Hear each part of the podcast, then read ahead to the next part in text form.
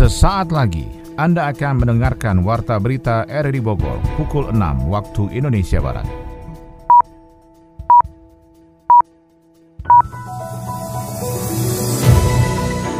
Selamat pagi, salam jumpa. Kembali kami hadir dalam Warta Berita pagi ini Selasa 24 Januari 2023. Siaran ini dapat Anda dengarkan melalui audio streaming RRI Play pada perangkat Android Anda, serta turut disiarkan Radio Tegar Beriman Kabupaten Bogor. Berikut kami sampaikan berita utama. Tahun baru Imlek 2023 meningkatkan pengunjung wisata di kawasan Puncak Kabupaten Bogor. Satpol PP Kabupaten Bogor melakukan penertiban tempat hiburan malam secara senyap. Bersama saya Abdul Rojak, inilah Warta Berita RRI Bogor selengkapnya.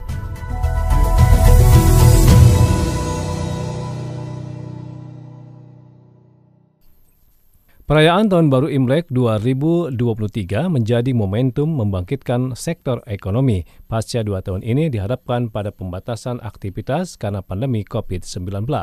Sony Agung Saputra melaporkan. Momentum perayaan Imlek tahun 2023 ini menjadi lebih bermakna bagi masyarakat Indonesia karena selama tiga tahun sejak tahun 2020 terjadi pembatasan aktivitas di semua sektor karena pandemi COVID-19. Dalam perayaan Imlek tahun ini masyarakat Tionghoa khususnya yang ada di Bogor melakukan berbagai aktivitas untuk bersuka cita dalam tahun baru ini. Salah seorang tokoh masyarakat Tionghoa asal Bogor, Harlan Bengardi, mengungkapkan sektor ekonomi memang menjadi perhatian karena banyak pelaku bisnis dari mulai besar hingga kecil yang tergerus karena terjadi sejumlah pembatasan saat pandemi COVID-19 dengan adanya peraturan PPKM dari mulai skala besar hingga kecil. Menurutnya pelaku usaha harus bisa melakukan lompatan setelah dicabutnya PPKM oleh pemerintah pusat dan daerah. Sebenarnya kalau misalnya kita lihat karena memang Indonesia itu fokusnya di domestic consumption harusnya akan lebih cepat ya ya untuk bangkit. Kita ngelihat saja di Kota Bogor kalau saya tahu itu lebih dari sekitar 200 80 kafe dalam enam bulan terakhir yang buka. Kita melihat juga begitu ramainya dalam keseharian masyarakat Kota Bogor untuk bisa nongkrong, bisa belanja lah intinya. Berarti kan pertanda bahwa buying consumption di Kota Bogor sudah semakin meningkat. Begitu juga perumahan, kalau misalnya kita ngelihat perumahan kelas menengah, boleh dibilang hampir semuanya sold out saya sih optimis dengan pemerintah memfokuskan di middle class, peningkatan di kelas menengah, harusnya kita nggak terlalu berdampak walaupun memang tetap harus hati-hati. Tokoh Muslim Tionghoa asal Bogor ini juga menyerukan agar bangsa Indonesia tetap bersatu menjaga kesatuan negara Indonesia dalam bingkai bineka tunggal ika. Banyak faktor yang harus menjadi perhatian dari anak bangsa sehingga momentum Imlek yang sudah berlangsung sejak zaman nenek moyang dahulu tetap menjadi nilai perekat bagi semua anak bangsa. Sebenarnya di Kota Bogor ini kita harus bersyukur dengan adanya Yayasan Basolia ya, Badan Sosial Lintas Agama. Lalu kita juga punya Bogor Sahabat Bobats. Itu menjadi suatu wadah atau cerminan yang seharusnya kerukunan persaudaraan beragama itu uh, diimplementasikan dalam kehidupan sehari-hari. Kita di dalam ada kiai, ada pendeta, ada ustadz, ada tokoh agama, ada mahasiswa, ada pengusaha dan lain-lain dan lain-lain. Kita bisa rukun, kita bisa guyup ya dengan segala macam kelebihan dan kekurangan. Kita ada perdebatan ya, tapi semuanya adalah bagaimana kita caranya membangun kota Bogor dan tentunya negara ini dengan baik. Jadi kita harus paham dengan karakter sahabat kita atau orang di sekeliling kita masing-masing dan tentunya kita juga harus punya kompetensi untuk berkomunikasi lebih baik dengan satu dengan yang lainnya. Perayaan Imlek tahun ini memang menjadi spesial karena bisa kembali berkumpul dengan sanak keluarga yang datang dari berbagai daerah karena sudah dapat menikmati kehidupan normal dengan tetap memperhatikan protokol kesehatan agar COVID-19 tetap terkendali. Tahun baru Imlek 2023 meningkatkan pengunjung wisata di kawasan Puncak Kabupaten Bogor. Okupansi perhotelan di kawasan Puncak Bogor mencapai 70 hingga 100 persen. Selengkapnya kita ikuti wawancara Adi Fajar bersama Sekretaris PHRI Kabupaten Bogor, Boboy Ruswanto. Data dari teman-teman dari Lantas Polres Bogor tuh kan ada kenaikan 20 sampai 25 persen Kang Boy untuk wisatawan yang mungkin khususnya datang ke wilayah puncak Kang Boy ya. Kenaikan volume kendaraan itu berdampak nggak terhadap teman-teman hotel di Kabupaten Bogor mungkin khususnya di daerah puncak Kang Boy? Ada bagus ya. Kalau ini kemarin di weekend itu ada yang 70 80 persen lah ya di malam minggunya. Terus malam Seninnya juga masih cukup bagus, ada yang 50 persen seperti itu. Jadi okupansi di antara 70, 60, 70, 80 kayaknya? Ya 70 sampai yang 100 juga ada mas kalau udah ngelihat kayak gitu sih. Hmm. Karena saya kan ngelihatnya ada hanya beberapa hotel saja yang saya coba ini. Hmm. Kayaknya kalau hotel-hotel besar mah yang 100 juga ada 90 lah mungkin ya itu sudah fix itu mereka. Jadi kan kalau untuk malam minggunya itu mungkin ada juga yang nyambung makanya kan gitu ya hmm. ada juga yang nyambung sampai ke malam Seninnya itu jadi masih tersisa juga di malam Seninnya 50 sampai 60 persen itu masih ada gitu Kang tapi hmm. peningkatan 70 bahkan sampai 100 persen itu memang kecenderungannya masih di wilayah puncak aja Kang ya kalau laporan teman-teman di luar wilayah itu gimana Kang?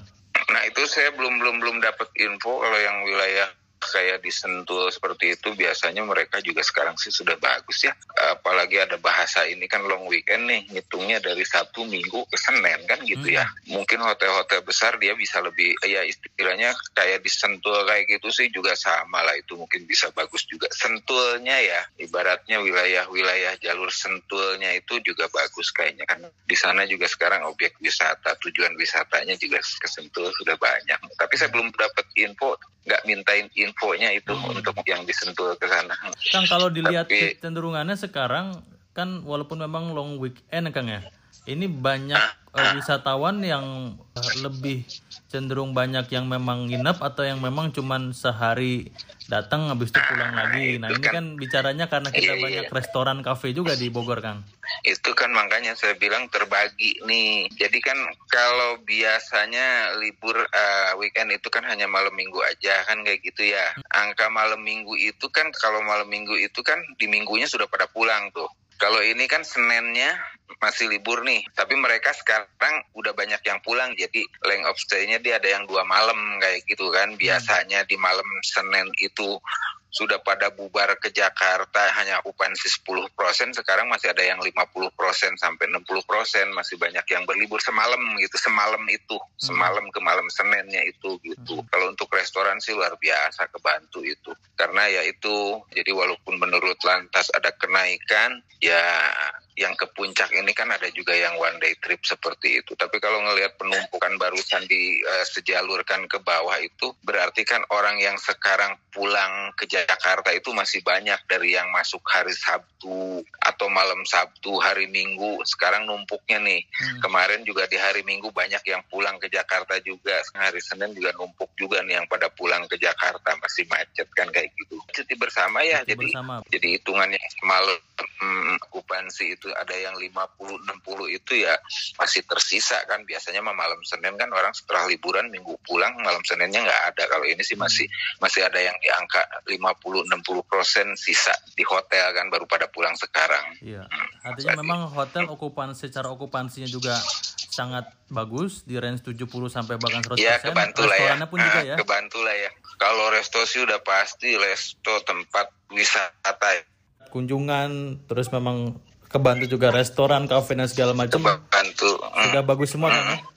ibaratnya dibandingkan dengan weekend biasa untuk yang sekarang long weekend ini hmm. cukup ngebantu yang biasanya hanya satu malam sekarang dua malam dari malam minggu terus malam seninnya masih hotel masih terisi kalau restoran sih ya pastilah mereka resto-resto besar itu cukup istilahnya kena imbasnya liburan ini ya, kena imbasnya macet di jalur puncak itu. Ditambah juga mungkin kebantu sama dampak PPKM yang sudah dihapuskan kali Kang Bobo ya? Oh iya, kalau itu sih dari mulai malam tahun baru juga sudah PPKM walaupun kita tetap ya ada protokol kesehatan masih sekarang mas sudah seperti tidak ada ya memang sudah tidak ada ppkm ya hmm. tapi ya sudah sudah di mana-mana sudah bebas lah sepertinya seperti itu. Betul. Tapi ya. prokes tetap jadi template ya Kang, jadi standar ya. Uh, iya, harus sebenarnya uh, hal seperti itu ya mungkin ini mas ke depannya memang sebenarnya harus di, di pemerintah itu membuat aturan tentang itu di luar ada covid atau tidak itu harusnya jadi standar mestinya hmm. jadi hotel-hotel tuh Nah, kalau yang besar sih masih memperlakukan itu hotel-hotel kecil pun bisa memperlakukan itu seperti kalau kita di rumah sakit ada hand sanitizer atau Betul. apa itu jadi standar. Kang Boboy, ya. atur nun Kang Boboy atas waktunya. Iya, Mas Adi, makasih sama-sama ya Mas ya. teman-teman hotel yang lain Kang Boboy. Baik, Siap. Assalamualaikum Kang. Sampaikan, Waalaikumsalam. Pemerintah Kota Bogor mempercepat proses sertifikasi halal bagi industri kecil menengah dan mendukung Indonesia menjadi produsen halal dunia. Ali Fajar Nugraha melaporkan. Pemerintah Kota Bogor berupaya mempercepat proses sertifikasi halal bagi industri kecil menengah dalam mendukung Indonesia menjadi produsen halal dunia. Sejak tahun 2015, Pemkot Bogor melalui Dinas Koperasi UKM Perdagangan dan Perindustrian memiliki fokus dalam mendukung industri kecil untuk berkembang melalui sertifikat halal. Penyuluh industri kecil di Skop UKM Dagin Kota Bogor Wigati mengatakan bentuk keseriusan pemerintah adalah dengan memberikan dukungan APBD dalam mengajukan sertifikasi halal pada industri kecil. Sejak 2015 hingga 2022, sudah ada 291 industri kecil yang telah mengantongi sertifikasi halal dan di tahun 2023 ini ditargetkan bertambah sebanyak 25 industri kecil. Industri kecil khususnya itu sudah mempunyai aware bahwa penting untuk mensertifikasi halal. Kita hanya hanya 25 ya di konsentrasi di pemulihan COVID ya. Jadi hmm. tahun sebelumnya pernah di ada di 45, tahun kemarin 25 dan kita sekarang ini 25 lagi nih. Kami mengajukan oh. tadinya sih lebih dari itu. Kan untuk pembiayaan proses sertifikasinya lumayan mahal. Ya kita kan memfasilitasi itu ya. Tahun ini kita masih 25 dan alhamdulillah dari Kementerian Agama sendiri kan sekarang ada program self declare. Mungkin hmm. itu bisa hmm. lebih cepat mendapatkan Sementara itu, pakar ekonomi syariah Institut Taskia Bogor, Profesor Muniarti Muhlisin, menilai langkah Pemkot Bogor dalam mendukung industri kecil menjadi produsen halal diapresiasi. Selain melibatkan Badan Penyelenggara Jaminan Produk Halal atau BPJPH, Pemkot Bogor juga turut melibatkan dunia pendidikan sebagai pendamping halal. Kerjasama antara pemerintah daerah bersama kampus harus ditingkatkan untuk mendukung percepatan kota Bogor sebagai daerah produsen halal di Jawa Barat bahkan Indonesia. Di Kota Bogor memang gaungnya sudah kedengaran ya, apalagi dengan adanya keterlibatan kampus Taskia tahun 2020-2021 itu sudah ada bahkan awal-awal dari BPJPH diresmikan, kita sudah mengirimkan pendamping halal di ke hmm. kota dan mendapatkan penghargaan oleh langsung diberikan oleh Bapak Wali Kota. Dan ini menjadikan semangat bagi para mahasiswa yang lagi menempuh studi di hmm. kampus-kampus sekitar Kota Bogor, ini mendapatkan semangat supaya mereka selama kuliah juga dapat berbuat sesuatu untuk lingkungannya e, sebagai pendamping halal. Hmm. Kemudian setelah lulus nama-namanya kita daftarkan di BPJPH, ini menjadi satu juga karir awalnya karir sambilan, hmm. tapi kemudian bisa menjadi karirnya setelah lulus nanti. Hmm. Nah, jadi ini sangat-sangat bagus sekali. Saat ini pemerintah juga mempermudah akses industri kecil untuk memperoleh sertifikasi halal dengan program self declare, di mana para pelaku usaha bisa menyatakan produknya halal dengan beberapa prosedur yang akan didampingi oleh pendamping halal dari BPJPH daerah setempat.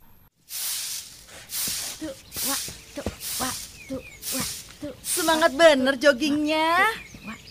Iya tuh kudu semangat biar tetap sehat nih bu Sehat kan mahal Ih, Setuju bu Kalau udah sakit mah boro-boro olahraga ya Yang ada masuk rumah sakit Bener kalau kata orang mah mensana incorpore sano alias di dalam tubuh yang sehat teh terdapat jiwa yang kuat, Bu. Ini teh ngomong-ngomong mau jogging ke mana, Bu? Mau jogging ke alun-alun, sekalian cuci mata ah, Bu. Di sana kan suka banyak barang obral murah. Siapa tahu dapet. Atuh kalau gitu saya mau ikut jogging ah, biar sehat juga. Sekalian beli barang obralan. Eh, eh, eh, eh ibu mau ke mana ini teh? Mau jogging apa? Biar sehat. Kalau ibu jogging nanti bapak sarapan apa? Beli nasi uduk di Janap aja ya. Bu, bentar ya Bu, saya ganti legging macan dulu. Jangan lama-lama ya Bu, keburu panas ntar. Anda tengah mendengarkan Warta Berita RRI Bogor. Satpol PP Kabupaten Bogor melakukan penertiban tempat hiburan malam secara senyap. Yopri Haryadi melaporkan. Beredarnya video viral petugas Satpol PP Kecamatan Cilengsi, Kabupaten Bogor yang menutup sebuah restoran yang menjual miras dan berlaku tidak sopan mendapat respon Sekdis Pol PP Kabupaten Bogor, Iman Wahyu Budiana. Bahkan tidak hanya itu, upaya penertiban tempat hiburan malam yang dilakukan secara senyap pun justru lebih banyak beredar di media sosial warga, seperti di Limus Nunggal Cilengsi, Pondok Udik Kemang, serta titik lain yang menjadi tempat kerumunan dan memicu menjamurnya usaha sejenis. Lebih lanjut, Iman Wahyu Budiana menambahkan, upaya penertiban yang dilakukan oleh Pol PP Kabupaten Bogor tidak ada artinya jika tidak dibantu oleh masyarakat untuk menjaga menjamurnya kembali tempat hiburan malam. Sebetulnya selain selain uang kerohiman juga kita bongkar itu. Iya. Uh, ya cuman persoalannya kan itulah masyarakat kita, oh, iya. kan gitu. Kalau udah seperti itu kita ambil tindakan tegas salah, ya, ya. nggak ambil tindakan berulang kali mereka seakan-akan tidak menghargai keberadaan dan tugas kami selaku Pol PP gitu. Karena kan keberadaan mereka kan mengundang Pak orang-orang pada nongkrong Betul. di situ, kerumunan iya. di situ gitu. Betul. Dan upaya-upaya kami kemarin membongkar sebagai juga untuk mengurangi potensi daripada kerumunan massa. Tim. Ada tim ya? Ada tim di sana. Tuh. Tapi upaya dan upaya kan kembali lagi kepada hati nurani masyarakatnya. Tidak hanya tempat hiburan malam yang menjual minuman keras dan munculnya prostitusi terselubung, keberadaan pedagang kaki lima dadakan di titik strategis yang mengundang kerumunan dan kekumuhan juga menjadi atensi Pol PP untuk diantisipasi, seperti kawasan res area Gunung Mas dan Simpang Ciawi, Kabupaten Bogor. Staf PPI Pol PP Kabupaten Bogor, Buce, mengatakan jika batas toleransi PKL melebihi kewajaran, pihaknya akan menerjunkan petugas dari Cibinong untuk meratakan kembali PKL tersebut kemarin masih dirapatkan ya kalau hmm. salah kemarin tuh ada dari orang Cisarua juga sih hmm. dirapatkan sana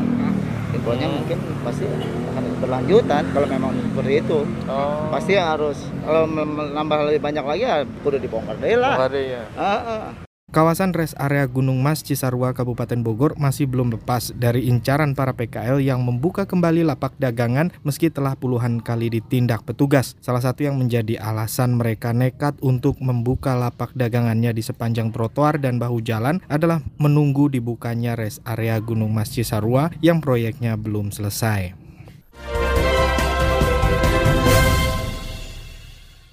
Menteri Keuangan menegaskan Indonesia mampu membayar hutang Indonesia. Perlambatan ekonomi dan ancaman resesi global mulai berimbas ke Indonesia. Info ekonomi selengkapnya disampaikan Adi Fajar Nugraha. Menteri Keuangan Sri Mulyani menegaskan bahwa pemerintah mampu membayar utang Indonesia utang juga digunakan untuk membangun pemerataan. Ia mengatakan dalam tiga tahun ini keuangan negara bekerja luar biasa, termasuk melalui penggunaan instrumen utang yang akan dibayar kembali. Menkyu menilai Indonesia mampu membayar utangnya kembali. Jika negara ingin maju, kata Sri Mulyani, pembangunan harus terus dilakukan. Pembangunan itu tidak boleh ditunda sampai menunggu negara mampu dan tidak berutang. Jika pembangunan terus didorong dari sekarang, Sri Mulyani percaya diri Indonesia bisa menjadi negara maju saat 100 tahun usianya pada tahun 2045. Sebelumnya Kementerian Keuangan mencatat posisi utang pemerintah per 30 Desember 2022 sebesar 7.733,99 triliun rupiah. Jumlah itu naik sebesar 179,74 triliun rupiah jika dibandingkan posisi utang bulan sebelumnya yang sebesar 7.554,25 triliun rupiah. Berdasarkan realisasi tersebut, rasio utang pemerintah terhadap produk domestik bruto naik dari bulan sebelumnya 38,65 persen menjadi 39,57 persen per Desember 2022. Jika dibandingkan pada periode yang sama tahun lalu, jumlah itu turun dari posisi 40,74 persen. Pengembangan rantai pasok atau supply chains nasional perlu dilakukan secara komprehensif oleh semua pemangku kepentingan untuk menjaga kegiatan ekonomi di Indonesia dan mengurangi ketergantungan dari luar. Chairman Supply Chain Indonesia Setiaji menuturkan, Perlambatan ekonomi dan ancaman resesi global mulai berimbas ke Indonesia. Hal ini terlihat dari penurunan ekspor pada kuartal 4 2022 karena penurunan permintaan dari sejumlah negara yang mengalami resesi. Data Badan Pusat Statistik mencatat setelah mengalami nilai tertinggi pada Agustus 2022 sebesar 27,86 miliar US dollar, nilai ekspor Indonesia turun berturut-turut pada empat bulan berikutnya hingga pada bulan Desember 2022 sebesar 23,83 miliar US dollar. Menurut Setiaji, Potensi resesi dan laju inflasi global dapat menurunkan daya beli masyarakat dan menekan perekonomian nasional. Seiring dengan hal tersebut, pengembangan rantai pasok barang dan komoditas nasional perlu dilakukan. Ia melanjutkan kolaborasi dan sinergi juga diperlukan antara penyedia dan pengguna jasa logistik seperti perusahaan manufaktur dan retailer, serta operator infrastruktur logistik seperti pelabuhan dan bandara untuk menjamin kelancaran proses distribusi barang dan komoditas. Rantai pasok yang baik akan mendorong produktivitas dan daya saing produk dan komoditas baik secara nasional maupun global. Hal ini juga mengurangi ketergantungan terhadap rantai pasok global yang memiliki ketidakpastian yang semakin tinggi sebagai dampak resesi.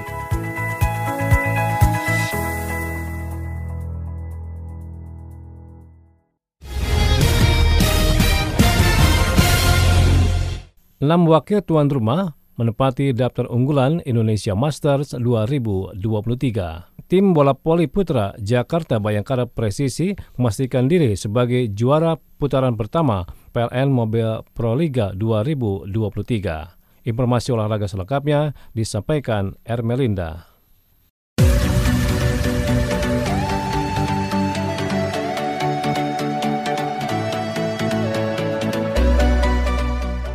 Wakil tuan rumah menempati daftar unggulan dalam gelaran BWF World Tour Super 500 Indonesia Masters 2023 di Istora Gelora Bung Karno, GBK Senayan, Jakarta yang akan mulai bergulir pada tanggal 24 Januari 2023 hingga Minggu 29 Januari 2023. Berdasarkan laman resmi BWF pada hari Senin, setiap sektor diambil 8 nama yang mengisi daftar unggulan, namun beberapa di antaranya absen dengan berbagai alasan.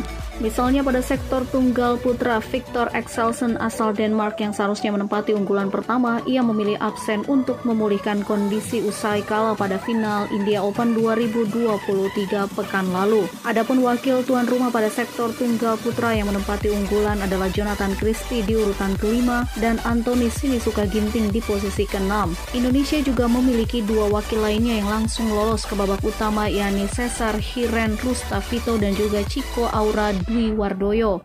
Di sektor tunggal putri tidak ada satupun wakil Indonesia yang menempati daftar unggulan. Meski begitu tuan rumah memiliki Gregoria Mariska Tunjung yang sudah dipastikan tampil di babak pertama dalam ajang yang memperebutkan total hadiah 420 ribu dolar AS atau sekitar 6,2 miliar rupiah. Pada sektor ganda putra pasangan nomor satu dunia Fajar Alfian dan juga Muhammad Rian Ardianto berada di posisi teratas dalam daftar unggulan. Lalu ada juga Muhammad Ahsan dan Hendra Setiawan di urutan ketiga. Pada sektor ini Indonesia memiliki Pramudia Kusuma Wardana Yeremia Erik, Marcus Fernaldi Gideon dan Kevin Sanjaya, Leo Roli Karnando, Daniel Martin dan Muhammad Sohibul Fikri dan Bagas Maulana. Lanjut ke sektor ganda putri, Apriani Rahayu dan juga Siti Fadia yang pekan lalu absen di India Open 2023 masuk dalam daftar unggulan ketujuh di Indonesia Master 2023. Terakhir pada sektor ganda campuran Indonesia memiliki Rino Frivaldi dan juga Pita Mentari dalam daftar unggulan ketujuh. Lalu wakil tuan rumah lainnya yang tampil adalah Dejan Ferdiansyah, Gloria Emanuel, dan juga Zakria Josiano, Hediana Juli Marvella, dan Praven Jordan dan Melati Daiva Oktavianti. Tim bola voli putri Jakarta Bayangkara Presisi dan Jakarta Pertamina Fastron dari sektor putri tampil apik dengan menjadi yang terbaik sepanjang putaran PLN Mobile Pro Liga 2023 yang berakhir di GOR PSCC Palembang, Sumatera Selatan pada hari Minggu 22 Januari 2023. Hadir sebagai debutan Bayangkara Presisi menutup putaran pertama kompetisi bola voli paling bergengsi di tanah air ini dengan berada di puncak klasmen sementara mengoleksi 17 poin. Sejauh ini tim asuhan Toiran Raidel sukses meraih 6 kemenangan dari 7 pertandingan. Penampilan apik Bayangkara terlihat pada tiga pertandingan terakhir di Palembang pekan lalu. Sepanjang putaran pertama, satu-satunya kekalahan yang dialami oleh Randy Tamamilang dan kawan-kawan terjadi ketika melawan Surabaya Bin Samator pada pekan kedua putaran pertama di Gor Satrio Purwokerto, Jawa Tengah 14 Januari lalu. Bayangkara Presisi bersaing ketat di puncak klasmen dengan juara bertahan Jakarta Lavani Alobeng yang mengoleksi 17 poin. Bayangkara Presisi menang dari segi rasio set. Posisi ketiga klasmen sementara adalah tim debutan Jakarta STIN Bin yang hanya tepat terpaut satu poin. Lalu di bawahnya ada Surabaya Bin Samator dan Jakarta BNI 46 yang sama-sama mengoleksi 10 poin hasil dari tiga kemenangan dan 4 kalah. Adapun Kudu Sukun Badak yang pekan lalu pecah telur dengan meraih kemenangan perdana atas Jakarta Pertamina Pertamax pada hari Jumat 20 Januari 2023 dengan skor telak 3-0 berada di dasar klasmen dengan 3 poin. Sedangkan pada sektor putri persaingan juga tak kalah sengit. Jakarta Pertamina Fastron yang menjadi tim terbaik di putaran pertama mengoleksi 13 poin. Hasil dari empat kemenangan dan satu kali kalah. Tim asuhan Eko Waluyo hanya unggul satu poin dari Bandung BJB Tanda Mata yang berada di urutan kedua dengan jumlah kemenangan yang sama. Posisi ketiga ada Gresik Petrokimia Pupuk Indonesia dengan 7 poin hasil 3 kemenangan dan dua kali kalah. Sebagai catatan susunan klasmen Proliga sendiri mengacu pada aturan Federasi Voli Internasional yang diperbaharui pada 2017 lalu. Tim berhak meraih poin sempurna yakni 3 bila meraih kemenangan dengan skor 3-0 atau 3-1. Proliga 2023 akan berlanjut ke putaran kedua yang berlangsung selama 3 pekan dengan Gresik Petrokimia Pupuk Indonesia sebagai tuan rumah di Gor Drama Gresik, Jawa Timur pada 2 hingga 5 Februari. Lalu berlanjut di Gor Ken Arok Malang, Jawa Jawa Timur pada tanggal 9 hingga 12 Februari dengan Jakarta Electric PLN sebagai tuan rumah. Terakhir di kandang Jakarta Bayakara di Gor UNY Yogyakarta pada tanggal 16 hingga 19 Februari 2023.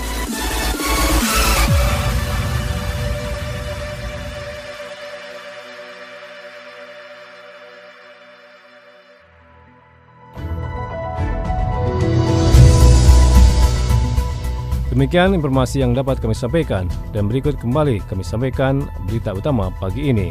Tahun baru Imlek 2023 meningkatkan pengunjung wisata di kawasan Puncak Kabupaten Bogor. Satpol PP Kabupaten Bogor melakukan penertiban tempat hiburan malam secara senyap. Mewakili kerabat kerja yang bertugas hari ini, saya Abdul Rojak bersama rekan Mahdi Nur mengucapkan terima kasih. Selamat pagi.